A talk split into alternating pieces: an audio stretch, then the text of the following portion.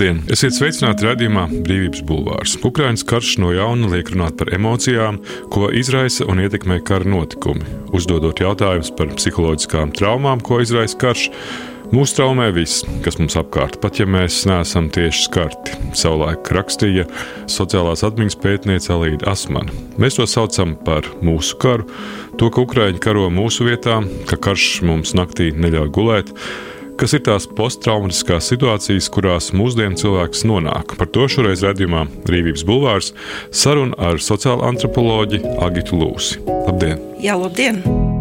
Jūs stāstījāt, ka viena no lietām, ko jūs lasāt Stadiņu universitātē, ir kurs, kā saprast ārprātu. Tā situācija, kas šobrīd notiek Eiropā, ļoti bieži tiek salīdzināta ar ārprātu. Vai tas ir tas, ko jūs lasāt, un vai šis kurs, ko jūs lasāt, jūs pat palīdz saprast uh, to, kas šobrīd notiek? Jā, es domāju, tas, ko mēs saucam par ārprātu, kas mūs ārkārtīgi satrauc, satriec, tā ir drīzāk tā notikuma negaidītība, savā ziņā arī straujā pēkšņā attīstība prātam grūti aptveramas lietas, par kurām ir dažādas hipotēzes izteiktas, bet tā līdz dziļumam laikam ļoti daudz nenoticēja Eiropā. Lūk, šie notikumi, šis saspīlējums ar Krieviju tā izvērsīsies. Es gribētu teikt, ka tās nav gluži tās lietas, ko mēs ar studentiem aplūkojam kursā, kā saprast ārprātu. Bet tā nav tikai tāda medicīniska uh, terminoloģija. Uh, nē, tā nav tikai medicīniska terminoloģija, bet šis kurs ir vairāk par cilvēku likteņiem, par dzīves stāstiem un, un kā tos ietekmē tiešām dažādi vēsturiski pārāvumi, ļoti saspringti periodi, kā arī deportācijas, apvērsumi, izsūtīšanas. Tātad kursā ir vairāk par uh, tām atbalstīm, kādas atstāja uz cilvēku, uz konkrētu cilvēku ikdienas dzīvi, uz attiecībām, uz izaugsmas iespēju vai tieši tās izsīkumu un uh, cilvēka nu, orientēšanās pazaudēšanu un, un tiešām um, cilvēku nonākšanu psihiatru redzeslokā un iespējams arī kļūšanu par hronisku slimnieku un nu, tāda izkrišana no sabiedrības aprites.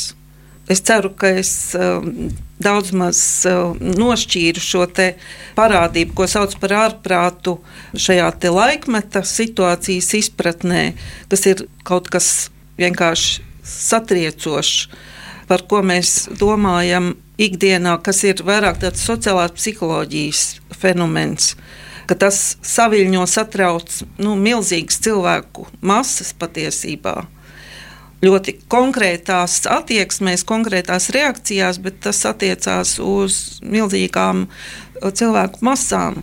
Uh, savukārt šādā kursā mēs skatāmies, protams, arī masveidīgas parādības, bet vairāk tās, kuras attiecās tiešām uz nu, konkrētu cilvēku izkrišanu no sabiedrības aprites, no kaut kādām būtiskām attiecībām.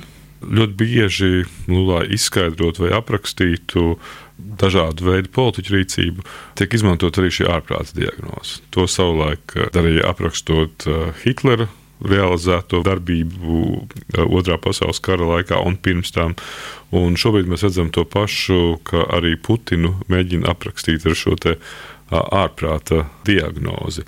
Es atceros, mēs savulaik runājām ar Johimu Festu, kas bija Hitlera biogrāfs, un viņš ļoti iebilda par to, ka Izrēlā viņa sarakstītā grāmata tika izdota ar nosaukumu Hitlers necilvēks, kas tieši Hitleru padarītu par trako, kas neļautu viņa pastrādātos noziegumus nu, mēģināt saprast ārpus šī ārprāta jēdziena.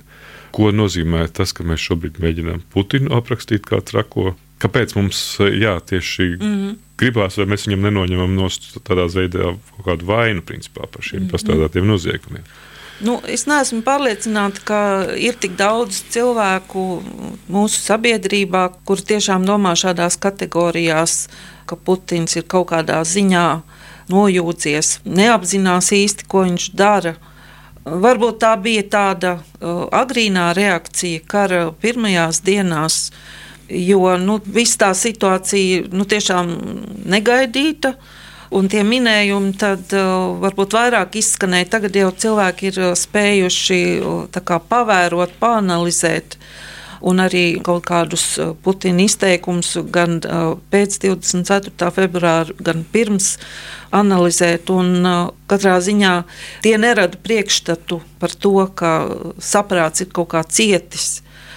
Es domāju, te ir vairāk runa par kaut kādām spilgtām raksturiezīmēm, kas tādiem autoritāriem vadoņiem mēdz būt, jo ar to palīdzību viņi vispār tiek pie varas.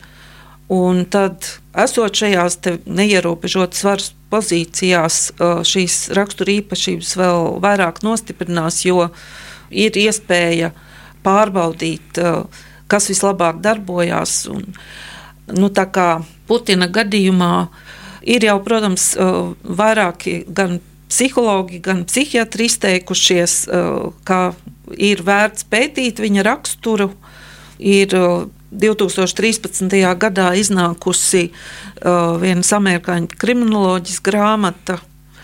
Putins, Kremļa operatīvais darbinieks, kur viņa kādas sešas Putina tādas spilgtas iezīmes, analizē, kuras viņš ir dzīves gaitā ieguvis un arī ar laiku izkopis, eh, saprotot, ka tās viņu nostiprina, ja, viņa pozīcijas. Un, un tās ir vairāk tādas eh, viņu profesionālās iemaņās balstītas daļēji. Ja, novērošana, cilvēku psiholoģijas analizēšana, tad arī tāda cilvēku interešu, varbūt neafišēto interešu, biznesa interešu un cilvēku vājību uztaustīšana un tad uh, izspēlēšana, kā tādu trumpi viņš var izspēlēt, savukārt uh, nu, panākt kaut ko pretī sev par labu. Un tātad arī šī autore Fiona Hilla atzīmē, ka Putins ir ļoti labi spējis izmantot uh, Krievijas vēstures narratīvus, tātad uh, parādīt uh, Krieviju gan kā upuri, gan kā tādu arī cilvēces atbrīvotāju no fašisma. Tas tiek vienmēr uh, uzsvērts kā tāda Krievijas misija, bet īpaši šajā Putina retorikā. Un, un vēl, ka viņš pirms stāšanās prezidenta amatā ir teicis runu, kurā viņš saka, ka viņš padarīs Krieviju atkal spēcīgu. Tā tad uh, nu, tāda savā ziņā mesijas apziņa, acīm redzot, viņam. Radījums Brīvības Bulvārs. Sarunas par to, kas notiek un ko mēs par to varam domāt. Agita Lūsa studējusi filozofiju Latvijas Universitātē un sociālo antropoloģiju Londonas ekonomikas un politikas zinātņu augstskolā. Īstenojis pētniecisks projekts ideja vēsturē, reliģijas studijās un medicīnas antropoloģijā. Doktora grādu ieguvusi Bristolas Universitātē 2006. gadā par tēmu pārmaiņas diskursā par psihiskām ciešanām un bezspēcību padomju Latvijā. Kādēļ šāds temats? Jā, nu, tas ir labs jautājums. Man vajadzēja kādu tematu, kas mani pietiekami motivētu, jo šis doktora studiju periods ir, ir pietiekami ilgs un pietiekami prasīgs. Un, uh, Šo tēmu es atradu kopā ar savu vēlāko profesoru, nu, akadēmisko padomdevēju, vadītāju Viedu Skultāni kuru es jau biju satikusi tad, kad tapa pirmais Latviešu zinātnieku kongress. Jā, es atzīšos, man arī pašai bija aktuāls šis jautājums par to, kā tikt galā ar mentāliem sarežģījumiem, teiksim, tā, kas uh, izpaudās depresijas formā. Toreiz man likās, ka ir svarīgi atrast cilvēkus ar līdzīgu pieredzi, kuru vidū cilvēks varētu justies saprasts. Bet vai tagad, piemēram, pēc tam, kad sākās karš Ukrajinā, vai mēs atrodamies katrs vairāk vai mazāk šādā situācijā, kurai būtu nepieciešams rast arī šāda veida skaidrojumu no konteksta, lai mēs saprastu, kas ir. Jo uh, es skatījos, kā pat Alīda Asmana rakstīja uh, traumas jēdziens uh, attiecībā uz uh, kara sekām. Tas radās pēc Pirmā pasaules kara, bet pēc Otrā pasaules kara viņš vairs netika izmantots. Un tikai vēlāk, Vietnamas kara kontekstā, atkal par to sāk runāt, jo nevarēja saprast, uh, kā cilvēki ir veseli, bet kaut kas īsti labi nav ar tiem kara veterāniem. Jā. Un, uh, bija runa, un tad sapratu, ka tam visam ir šāds konteksts, par kuru jūs rakstījāt un pētījāt. Tātad par sociālo-politisko kontekstu. Tās varētu būt traumas, kas ir tiešām pārnestas, pārmantotas no paudzes paudzē, un iespējams, ka gan Pirmā pasaules kara dalībnieku traumas caur viņu attiecībām, viņu ģimenēs, gan otrā pasaules kara zaudējumi, šķiršanās, tuvu cilvēku pazaudēšana, ka tas atstāja tādu emocionālu nospiedumu ģimenēs, arī bērni to izjūt, un tas tiešām var ilgt gadu desmitiem. Bet, ja runāt tieši par šo traumas jēdzienu vēsturi, man šķiet interesanti Tātad, ka karš bija tas, kurš pastiprināja psihiatrijas pozīcijas. Pirmais pasaules karš, Britu armijas virspavēlniecība bija apjukusi, jo bija ļoti daudz cilvēku, kurus nācās demobilizēt tādu nu, samērā neizskaidrotu simptomu dēļ. Tā tad uh, viena lieta - fiziski ievainojumi, bet starp demobilizētiem bija cilvēki, kuriem bija tādi simptomi kā runas spēju zudums, dažkārt locekļu paralīze. Murgi, viņi nebija uh, ievainoti fiziski. Un, uh, tikai uh, tajos gados britu un, un franču psihologi uh, nonāca pie tāda jēdziena uh, kā šāviņa šoks, uh, Un tas uh, balstījās uz uh, teoriju par neirozēm. Un tad uh, tiešām arī vēlāk kā sinonīms parādījās šī kara neiroze. Pirms dažiem gadiem tātad saistībā noteikti ar Pirmā pasaules kara simtgadi iznāca tāds ļoti interesants rakstu krājums - psiholoģiskā trauma un Pirmais pasaules karš. Es gribēju drusku padalīties jā, ar rakstu, kas man ieintriģēja. Marija Deriena. Viņa bija izsekojusi kādiem 40 eh, kara veterāniem Francijā, viņu likteņiem. Bija ļoti grūti noteikt uh, to skaitu, cik vispār ir tādu veterānu, kuri pēc kara nekad nevarēja vairs ieintegrēties sabiedrībā, atsākt iepriekšējo dzīvi. Tas izdevās pateicoties vēstulēm, kas bija saglabājušās, tā skaitā korespondences starp pacientiem vai viņu ģimenēm un ārstiem. Tātad noskaidrojās pirmkārt, ka ļoti grūti bija pierast pie šīs miera dzīves kārtības, jo tajā valdīja pavisam citi likumi nekā bija pierasts frontē, kur ir samērā vienkāršs pavēles, disciplīna, noteikumi. Otrkārt, ļoti grūti bija tiem, kas nevarēja atgriezties iepriekšējā darba vietā, vai nu savu ievainojumu dēļ, vai tādēļ, ka tiešām darba vietas vairs nebija vēl tāds aspekts, ka cilvēki bija kļuvuši ļoti aizdomīgi, piesardzīgi, nu, tātad visu laiku tādā trauksmes stāvoklī. Un arī ģimenes vidū to varēja just. Viņi nespēja izrādīt vairs siltas jūtas pret saviem tuviniekiem, un dažkārt tādēļ arī ģimenes izjuka. Un tad galu galā nekas cits nepalika, kā viņiem nonākt institūcijā, kur viņi pavadīja daudzus gadus. Nebija nekādas tādas sistēmas, kur būtu pārdomāts, kā viņiem varētu sniegt palīdzību nu, tādā jau profilaktiskā veidā. Nu, jā, tas tā, tāds viens piemērs, ļoti līdzīgi novērojumi bija arī amerikāņu antropologam Alenam Jangam par uh, Vietnamas kara veterāniem par viņu nespēju adaptēties sabiedrībā. Alans Janks uh, pētīja, kā notiek rehabilitācija uh, tādā speciāli izveidotā rehabilitācijas centrā tieši šiem Vietnamas veterāniem. Viņš parāda, ka tieši pateicoties šī centra darbībai un dažādām metodēm, kas tur tiek izmēģināts, un tiem stāstiem, ko no cilvēkiem nu, izdevās saklausīt, tika nostiprināts, patiesībā apritē ienāca šis jēdziens eh, posttraumatiskā stresa sindroms kari ir tiešām nu, to psihiatrijas lauku paplašinājuši un devuši jaunas perspektīvas, kā skatīties uz. Uh, Bet tajā nozīmē, ka mēs varam precīzāk saprast un aprakstīt, kas notiek. Jā, Pirmā pasaules kara laikā tā pirmā nostāja bija, ka šie te tiešus ievainojumus neguvušie kareivi un īpaši virsnieki, ka viņi simulē ka viņiem nekas īstenībā nekait, eh, ja, ka viņi izliekās.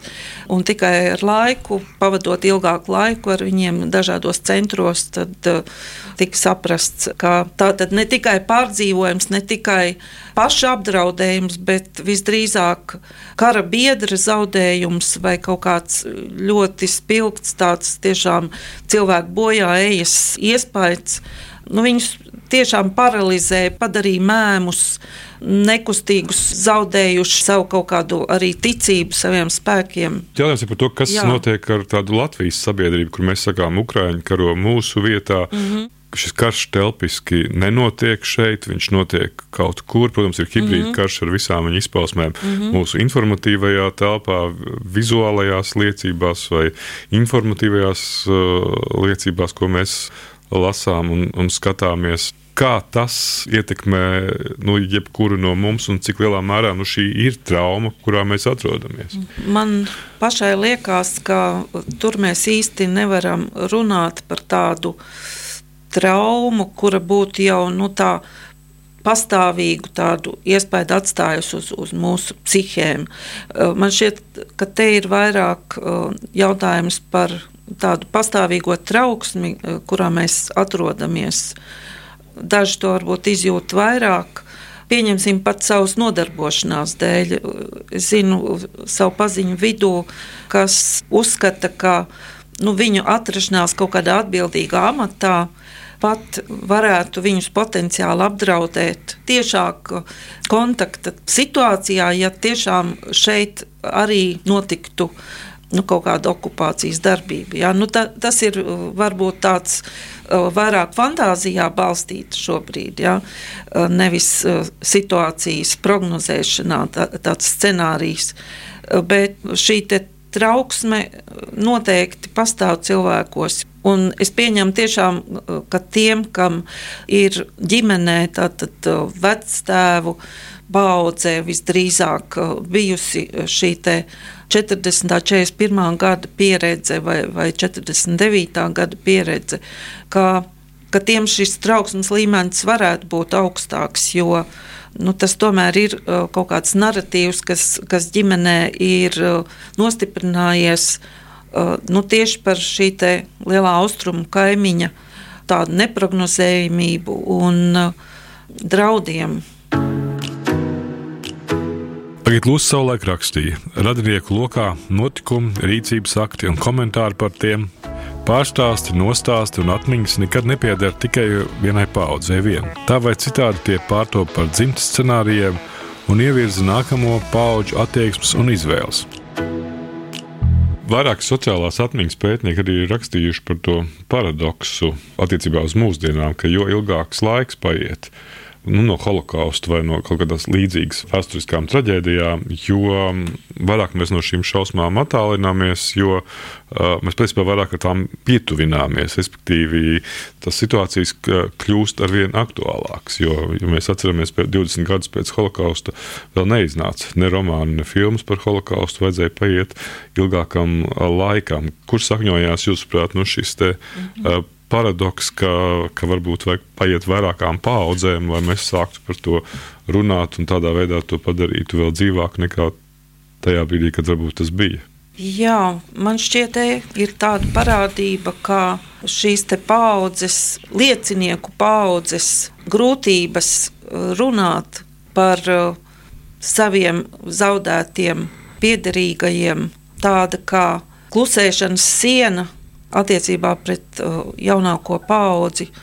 Nu, piemēram, arī runājot par Latvijas paudzēm. Tātad jūs droši vien arī pamanījāt, ka šogad iznāca grāmata atmiņu mantojums tieši par dažādiem skatījumiem uz atmiņu pārnesi. Piemēram, mana kolēģe Maruta Pranka, viņa ir pievērsusies galvenokārt Zviedrijas latviešu dzīves stāstiem, Un uh, tur tā kā nebija šī ideoloģiskā cenzūra, lai tātad vecāki nespētu runāt vai, vai nevēlētos runāt ar saviem bērniem par kara laikā piedzīvoto. Bet tomēr vairākos gadījumos šajos stāstos uh, man kolēģi konstatēja, ka ir noklusētas lietas. Teiksim, bērniem nav stāstīts, kādēļ tieši emigrēja, kādā veidā emigrēja, kas tur notika pa starpu. Tā tad ir kaut kas pārāk sāpīgs, vai arī kaut kas morāli sarežģīts, kaut kas par saviem lēmumiem, par ko nav vērti runāt. Un tas nedaudz arī sasaucās ar Haralda Velcera, vācu sociāla psihologa pētījumu. Viņš e, intervēja par norisēm pēc 1933. E, gada aculieciniekus gan Austrumvācijā, gan Rietumvācijā, nu, tātad teritorijās attiecīgi. Un tad intervēja viņu bērnus un mazbērnus. Un viņš, viņš daudz uh, nestāsta, ko viņš uzzināja no, no pašiem aculieciniekiem, bet konstatē, ka īpaši mazbērni ļoti ir pielikuši pūles, lai to stāstu par, par savu vectēvu, varbūt arī vecmāmiņu pieredzi padarītu nu, tādu um, pievilcīgāku, atzīstamāku, viņu morāli labās izvēles meklējot un uzsverot. Tā tad te varētu būt. Bet mums sakars ar jā. vācu kultūru un otro pasaules karu droši vien. Jā, jā, dažādiem kolaboracionismu, dažādu kompromisu un šādiem te gadījumiem, kur nu, tieši tā paudze, kura bija aktīva Vācijā 30. gados, protams, piedzīvoja pietiekami daudz situāciju, par kurām pēc tam būtu kā, jākaunās, vai kuras uh, sabiedrībā tiek nosodītas. Un tad ir jautājums jā, par šo te, kā stāstīt bērniem. Nu, savukārt no upuru puses, kā dažkārt, ja, ja runā tieši par holokaustu, tad šī izdzīvotāju tāda kā vainas apziņa par to, ka viņi ir izdzīvojuši un viņu piederīgi ir gājuši bojā. Šī vainas apziņa ļoti nomāca un tādēļ tā attur kavēties atmiņās par uh, traumatiskajiem notikumiem, tā skaitā ar bērniem, mazbērniem. Tāds ir mans skatījums. Mhm. Šī ir cita veida, protams, klusēšana, bet uh, nu, arī šajās dienās mēs tiek pieminēta krievu cilvēku klusēšana ļoti bieži. Viņi klusē un skaļi nerunā vai neprotestē karām. Ukrainā. Kas, jūsuprāt, ir šī par klusēšanu? Ļoti uh, sāpīgs jautājums. Man šķiet, ka mums tādu skaidru atbildžu šobrīd vēl nevar būt. Mani paši ļoti satrieca šī situācija, kad uz uh, mītiņu uh, ko organizēja Latvijas Krievu iedzīvotāju vārdā pie brīvības pieminiekļa, ka tur tiešām bija ļoti mazs skaits um, dalībnieku. Tie ir vairāk man minējumi. Uh, viens apstākļus varētu būt tas, ka, ka cilvēki tagad lielā skaitā esot uh, atslēgti no Krievijas informācijas avotiem, nu, viņi vēl, varbūt vēl tikai meklē to savu pozīciju, Viņi arī varbūt nu, savu draugu paziņu lokā nu, nav pārliecināti, kā uh, reaģēs šie draugi. Varētu būt, ka tiešām daļai no krievalodīgajiem, īpaši krievtautības pārstāvjiem, ir šoks par to, kā tagad norientēties. Viņiem ir bijusi ļoti skaidra pasaules aina kas ir uh, nostiprinājusies uh, nu, vismaz divu gadu desmitu laikā uz Kremļa propagandas pamata. Ir skaidrs, uh, kas ir ļaunais, kas ir labais. Bet un... es domāju, ka klusēšana šajā gadījumā nav kaut kāda pretošanās stratēģija šiem cilvēkiem. Ka, nē, ir... tas ir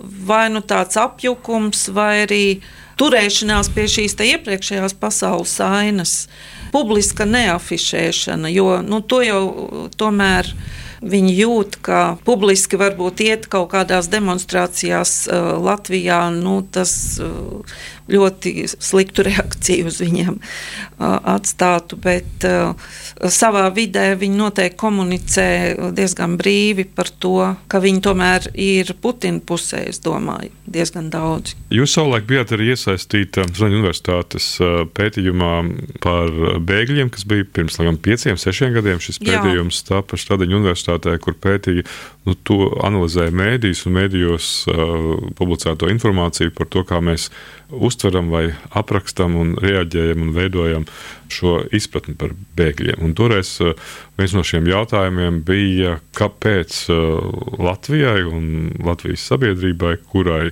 ir šī bēgļu pieredze iepriekšējās paudzēs, eh, bija tik negatīva attieksme pret bēgļiem, kas, protams, šobrīd Ukraiņas kara kontekstā izskatās jau savādāk arī šie jūsu pētījumi secinājumi toreiz. Jā ārkārtīgi atšķirīga attieksme gan, gan medijos, gan nu, sabiedrībā. Kas ir tās atšķirības starp to situāciju ar bēgļiem? To brīdi mm. un šobrīd. Es domāju, ka tas izšķirošais uh, apstākļus ir, uh, ka Ukrāņu gadījumā, vispār Ukrāņas iedzīvotāju gadījumā, mēs uh, saskatām uh, kopīgo ienaidnieku līdzīgu vēsturisko situāciju nu, tieši šī pēcpatomu laikā. Ja runā par 2016. gada šo migrācijas krīzi, nu, mēs nevarējām iztēloties Asadu vai Islāma valsti kā tieši arī mūsu apdraudam. Un kaut kādas līdzības uh, starp Sīrijas situāciju, starptautisko un Latvijas situāciju neradās. Un, kā arī šis mediju pētījums parādīja, tad ļoti maz tādas uh, informācijas par uh, dzīves apstākļiem, par ikdienas dzīvi vai par cilvēku dažādām tagad, uh, gaitām, pazaudējot mājokļus, uh, bija maz tādas personificētas informācijas. Ja to jūs rakstījāt, jā, ka patērumu meklētāji tiek skatīti kā grupa, reti izceļot individus, viņu dzīves stāstus, likteņus Un šoreiz Ukraiņas bēgļu kontekstā ir pavisam citādāk. Mēs ļoti jā. daudz redzam šo stāstu, jā. individuālu jā. stāstu. Jā. Vai Ukraiņas notikumi mums palīdz, vai mainīs jūs pats sabiedrības vērtības šajā izpratnē? It kā mēs parasti sakām, ka sabiedrības vērtības mainās ļoti lēni, un tas ir tāds mm -hmm. ilgs process. Uh, šobrīd ir tāda nu, forša mažora situācija, par, par kuru saka, ka tas ir pagrieziena punkts. Vai mēs varam teikt, ka tas ir pagrieziena punkts kaut kādā virzienā? Mums nu, vēl nezināmā. Jā, pagrieziena punkts tas noteikti ir, un, un es gribētu piekrist, ka mums diezgan nezināmā virzienā. Jā, nu tas ir atkarīgs, protams, kā notikumi attīstīsies nu, tuvākos mēnešos. Un, nu, ir, ir komentētāji, kas ar diezgan tādu lielu pārliecību argumentē, ka mēs esam nu, tāda ilgstoša, atkal augstāka kara perioda sākumā, ka tas saspīlējums starp rietumu valstīm un, un Krieviju pastāvēs nu, gadiem. Ja? Un es domāju, ka mūsu sabiedrība arī ļoti to izjutīs ar to, ka ir jāmobilizējās, ka ir jārunā par šīm kopīgām nacionālām interesēm, ka teiksim, ir lietas, kas atstājamas fonā varbūt arī pat uh, kaut kādi demokrātijas elementi var ciest uh, tādā mobilizācijas izjūtas fonā. Paldies! Paldies! Tā bija sociāla antropoloģija. Agita Lūse, Stradiņu universitātes docente, radījumā Brīvības bulvārs, mans vārds Gins Grūbe, radījumu ierakstīja Toms Šits un montēja Nora Mitspapa. Paldies! Paldies jums arī! Brīvība ir brīvība, nevienlīdzība vai taisnīgums vai kultūra, vai cilvēks laime. Tā teica Iesai Berlīns. Sarunas ar brīvas apziņas un ideju cilvēkiem raidījumā Brīvības bulvārs.